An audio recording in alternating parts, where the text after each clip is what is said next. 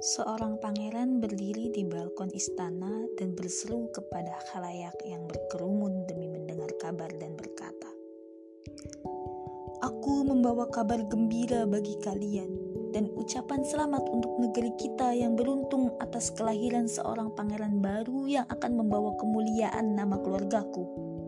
Dan pada siapa kalian akan berbangga? Ia adalah ahli waris baru yang mewarisi kebesaran kakek moyang dan padanya bergantung kecerahan masa depan kerajaan ini.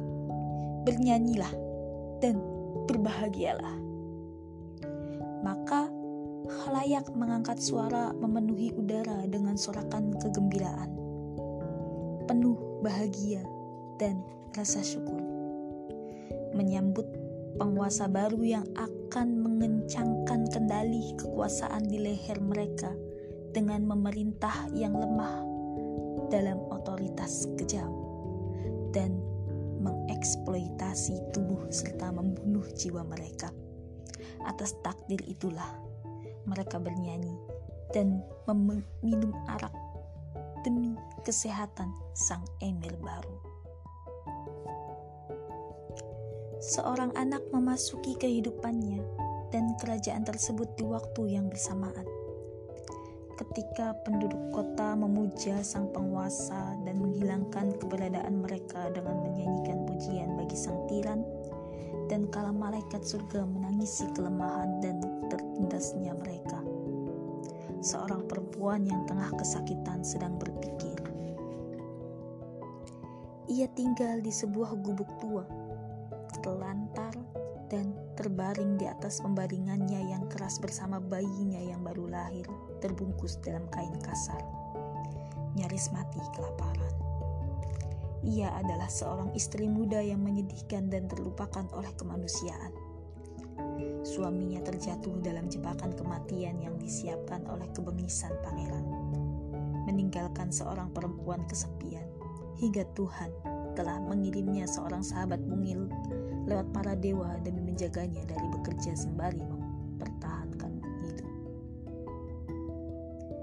Manakala keramaian mereda dan keheningan kembali melingkupinya, perempuan malang itu meletakkan bayinya di atas pangkuan dan menatap wajahnya sembari terseduh, seakan ia membaptis bayinya dengan air mata.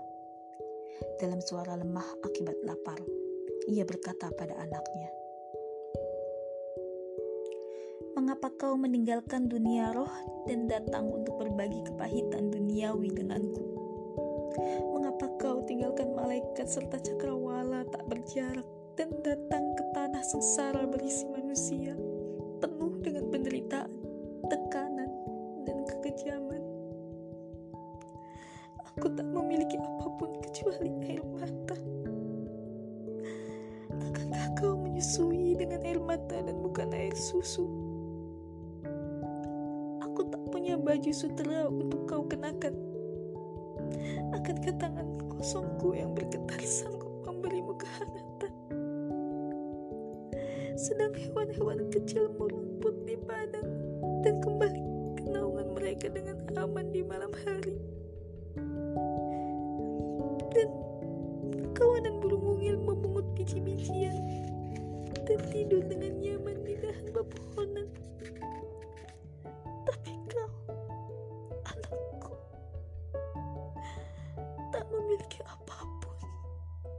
Kecuali ibu yang sengsara.